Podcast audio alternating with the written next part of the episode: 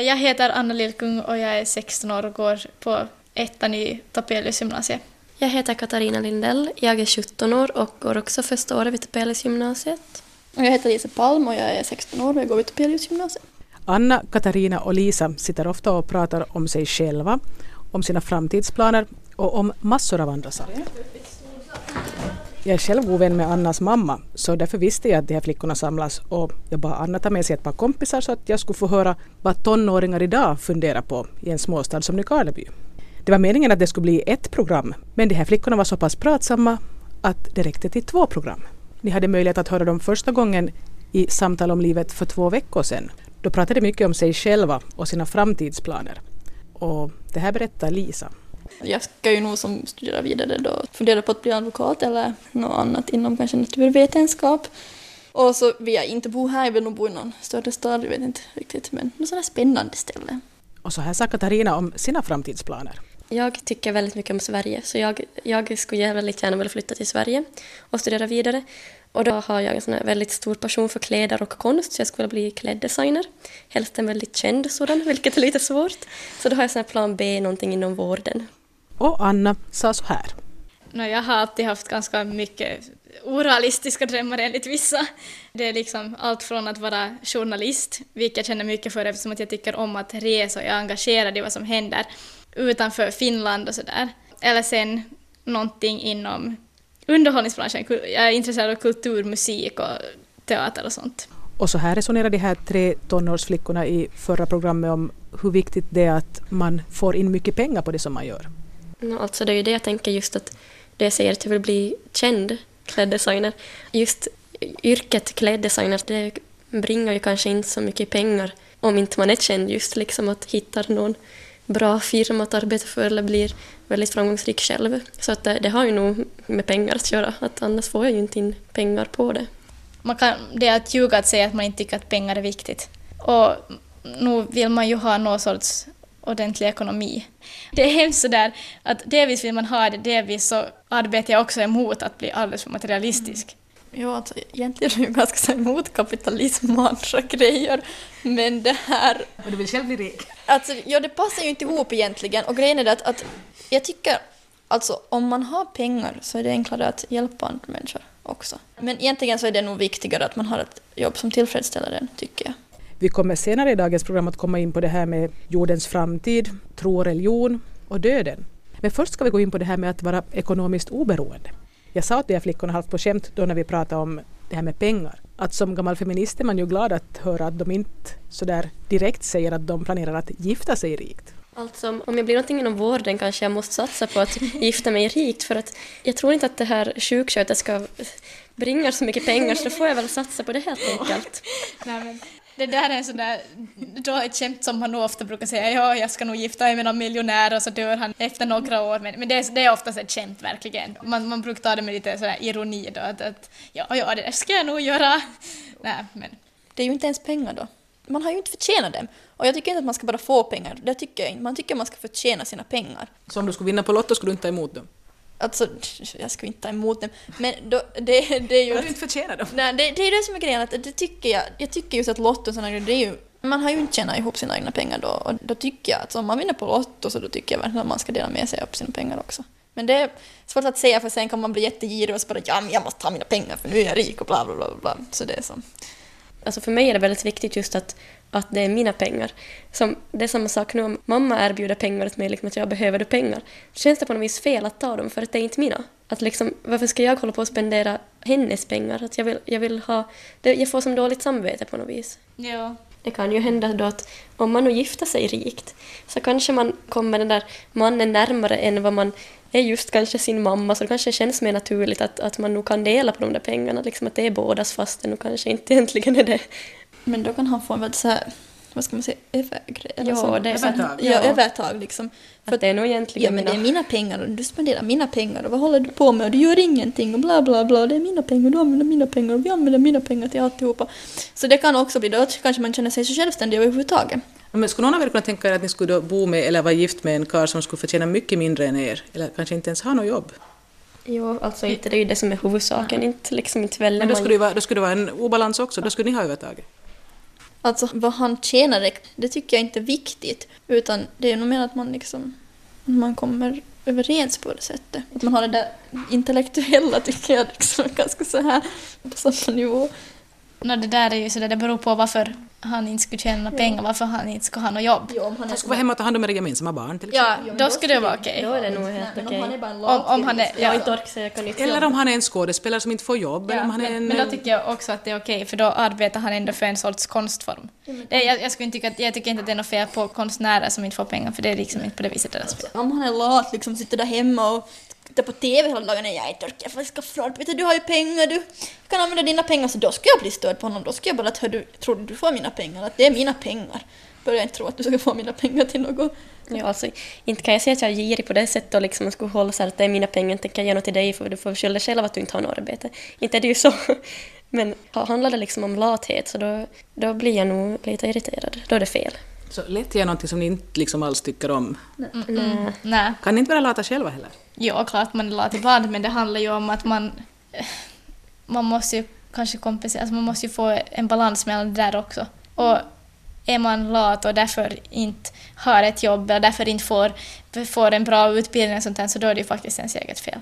Det är ju så att nu klart man latar sig ibland men det måste man väl få göra. Att då är man på högvarv hela tiden så då blir man ju till sist galen. Går i bänken.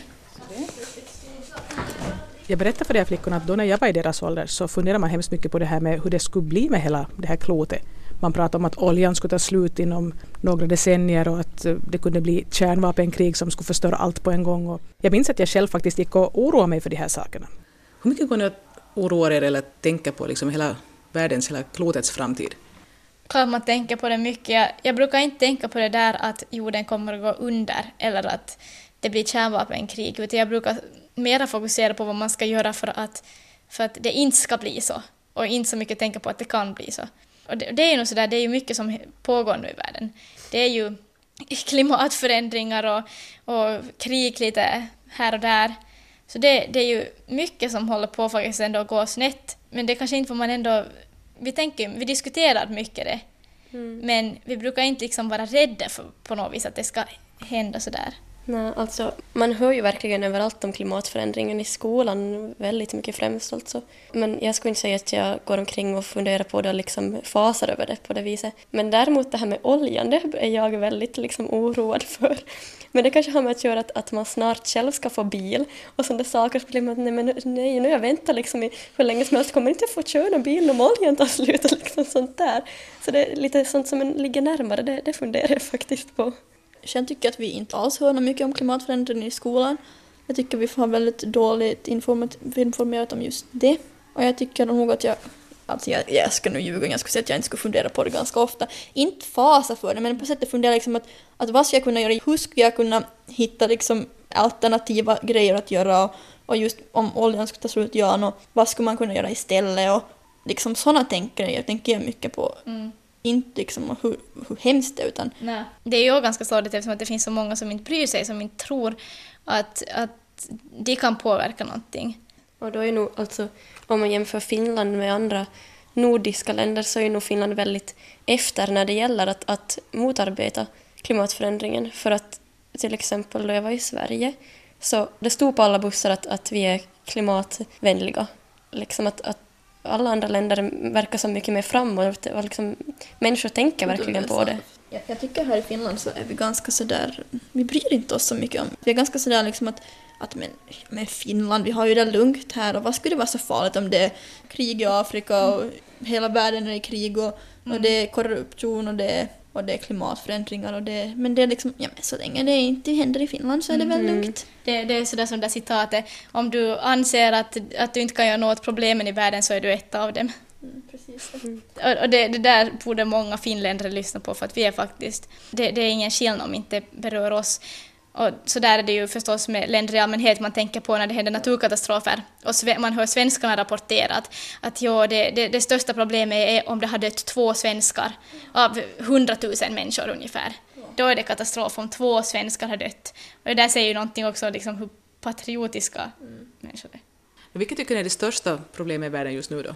Det är det som är ett stort problem, det är ju det här krigen i Mellanöstern i allmänhet, som ju bara är människans egen, eget handlande. Det är ju som klimatförändringen, man vet ju ännu inte helt och hållet vad det är som påverkar det. Men man vet direkt att kriget i Irak, det vet man vem som är skyldig för. Men sen tycker jag att det som man inte får lika mycket information om här, det är hur många människor som dör av svält och sjukdomar till exempel i Afrika.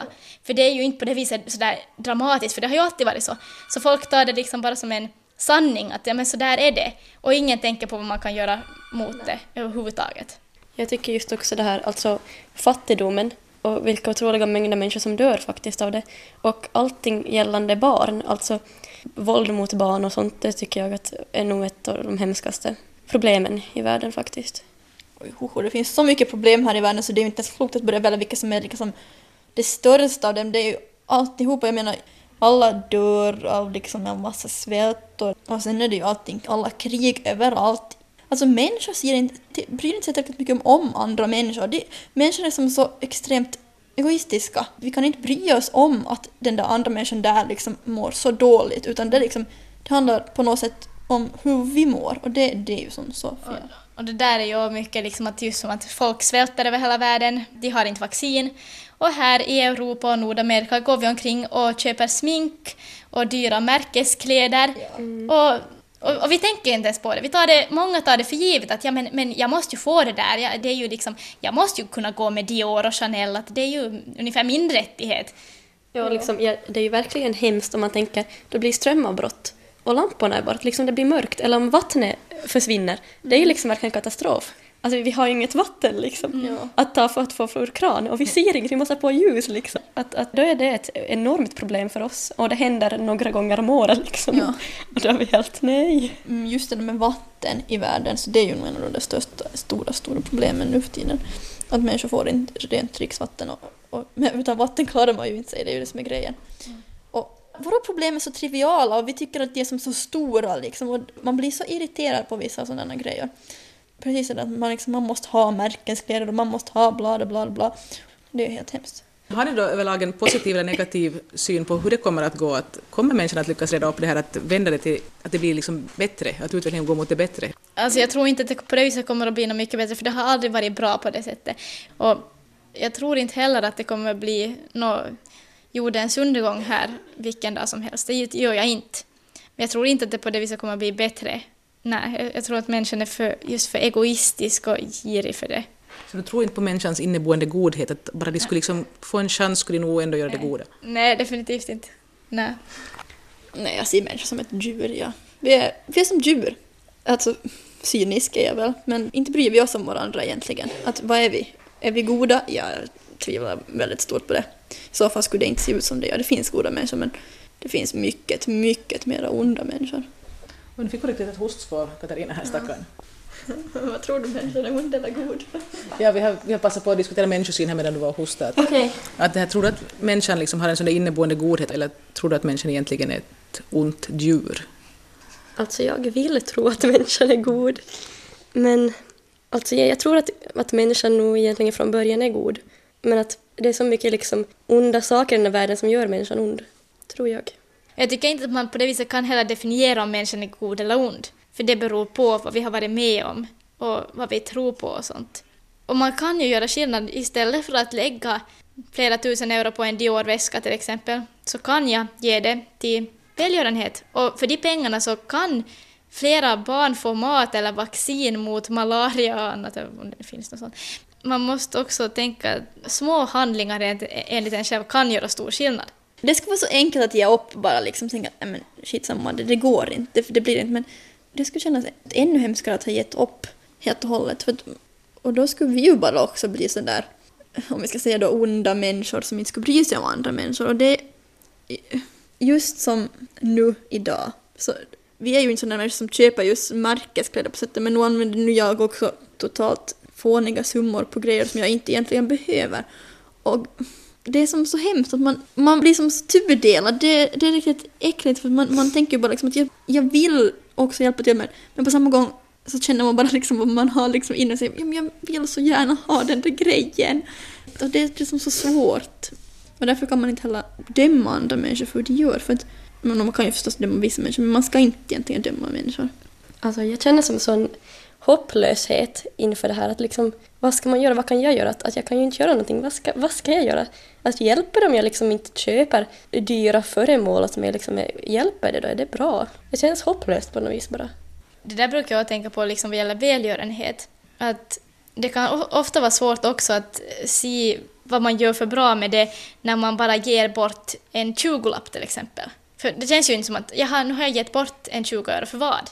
Det känns så. Fast man egentligen har fått på papper vad man ger till.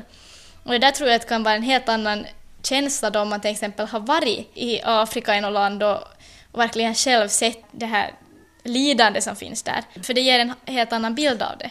Men alltså, jag lägger liksom några slantar åt Röda Korset eller någonting. Då måste jag säga, jag känner mig väldigt lyckad på något vis. Alltså, jag känner mig väldigt, jag är stolt över mig själv liksom att ja, nu satt jag fem euro hit liksom. Och då tycker jag att det är väldigt mycket. Så att jag nu har nog gjort bra för den här dagen liksom. Men jag tänkte säga att, att jag skulle nog, jag vill nog liksom fara till just någon sån här u-land och hjälpa till, liksom vara volontär. Och jag vet inte, på något sätt känns det där att ge pengar till välgörenhet Gör man det då för att man vill hjälpa dem eller gör man det för liksom att stilla sitt eget, sitt eget medvetande? Liksom att, jag gör nog det för både och. Jag tänkte säga, jag känner verkligen både och. Är det egoistiskt? alltså.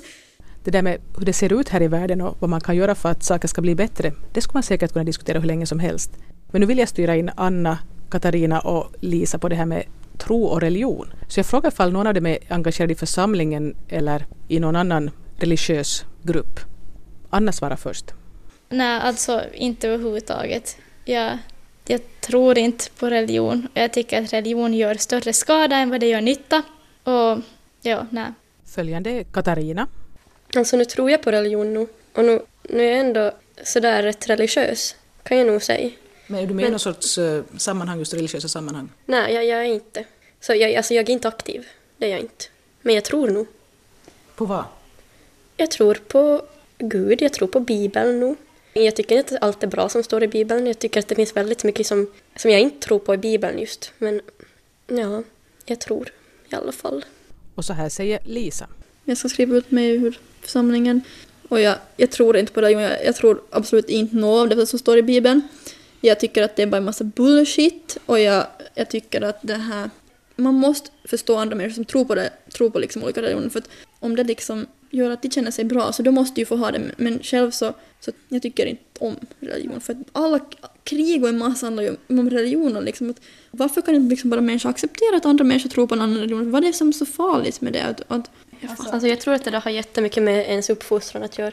För att jag är uppfostrad religiöst ändå, allting liksom söndagsskola och be Gud som haver varje kväll. Liksom, att, att det, och det har på något vis satt sig kvar. För jag tror nog att, att har ni liksom också... Ja, men alltså, det, ja, där, må, där måste jag säga emot det, för det har jag och jag har verkligen nog också blivit uppfostrad religiöst och gått i söndagsskola och allt, hela, hela köret. Varit med i bibelkuppen. Ja. Ändå så har jag inte trott på Gud sen jag gick på femman, sexan. Och nej, jag håller med om det där att krig, om man tittar på alla krig, de flesta har någonting att göra med religion. I, i grunden, någonting med religion. Men jag tror att det är helt enkelt så att för de som tror så ger det en trygghet som de som inte tror inte kan förstå. Mm, men grejen är att jag har nog, som liten trodde jag nog på Gud och, jag, och inte vet jag, inte uppfostrades jag religiöst på sättet men nog gick jag som i söndagsskola och, och sådär. Men det här, nu så har jag ju på något sätt bara insett att, det är ju inte så. Det är ju det, är det som jag liksom jag, jag tror ju helt enkelt att det finns inte någon möjlighet att det finns någon gud eller någon övermakt, för det är bara inte så. Det är nog så att för människan tidigare så har religion på något vis ändå varit ett behov. För att när förr människor dog i, i sjukdomar och pest och sånt så då ville man ju, man måste ju ha någonting att tro på, man måste ju tro att men de kommer till ett bättre ställe. Mm. Annars så skulle man ju kanske själv ha gått under mm. i depression och annat. Att det var som ett sätt att helt enkelt leva vidare. Men det är ju som att, att idag dör ju också människor. Så det är ju nog egentligen samma sak. Att nu vill man ju nog också tro att de kommer till ett bättre ställe. Jag vill i alla fall göra det. Och tro att jag själv också gör det. Så att... Men tror ni, ni då som inte tror, tror ni på någonting annat istället? Hon tror på Gud. Ni tror, tror ni på någonting annat? På att det finns någonting överhuvudtaget som styr, att det finns någon mening med att vi finns? Nej, inte överhuvudtaget. Vi finns bara? Mm. Jag tycker att det är det, som jag brukar säga, att, att om man inte skulle ha lärt sig om något tro, om ingen ska berätta om någonting, skulle man då liksom tro? Man skulle inte veta om någonting. För att allting, alla som tror på någonting har ju fått det från att någon har berättat om det. Inte Inte för något annat. Men nu är det ju så faktiskt att någon har berättat. Och varifrån kommer det då från början? Det måste ju komma från någonting. Det, det håller jag inte med om. Att jag, jag tror inte heller, precis som någon, jag tror inte jag tror inte på någonting av att det är ju någon som har hittat på det för att känna sig bättre inuti sig själv. Alltså, förr trodde man på asagudarna. Nu skrattar folk åt det. Men då var de mycket säkra på att det fanns. Och folk berättade om det. Jo. Och att människan skulle vara någon sån här speciell grej liksom som wow, vi skapades här för liksom någon speciell mening och det tror jag verkligen inte på. Det finns säkert massvis med andra ställen som det finns liv på. De har säkert sina totalt meningslösa liv de, och det är bara så. Så det är bara att liksom förstå det och men- liksom Men, alltså jag tror att människan inte riktigt kan ta in det där, att det finns faktiskt ingen mening. För man söker alltid efter en mening. Och folk, folk söker efter tecken och tror på ödet och sånt där. För att, för att man, man vill tro att man... Det, det, är någonting, det är någon mening med att man är här. Det är liksom, om man vill tro att om, om man har det dåligt så vill man att det blir bättre. Det där med religion och religiös tro brukar ju ofta vara förknippat med vad man tror att kommer att hända efter att man dör. Och kanske när man är 16-17 så tänker man inte på att man någon gång kommer att dö. Att det, det är så långt fram i tiden.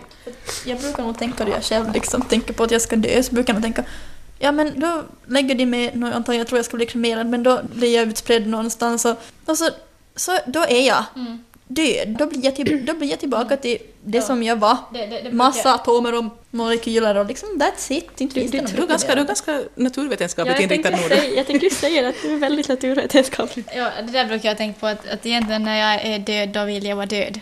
Eftersom jag nu tror, det, det liksom gör mig till en ganska stor optimist så här.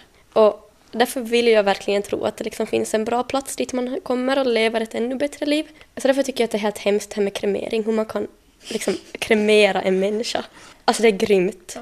Alltså då man bränner någon, det är liksom, då försvinner verkligen allt, hela kroppen och själen. Det är liksom, Men kanske om själen är någonting som finns så kanske den är av helt annan sorts eh, substans som Just inte det, brinner. upp den.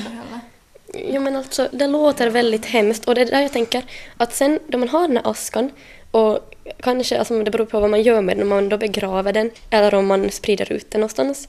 Men oavsett liksom för ens anhöriga sådär, alltså vad ska man, vad är det man far och besöker då till graven? Aska Men då kommer liksom. ju ändå ha en grav där. Alltså menar då du dör, efter en stund så är du ju ingenting annat än maskföda. Till sist är du ju bara jord. Jo men det är ändå ens kropp. Man förstör inte sin kropp, och kan man förstöra Men den, den, den förstörs ju, den finns ju inte kvar sen till sist i alla fall.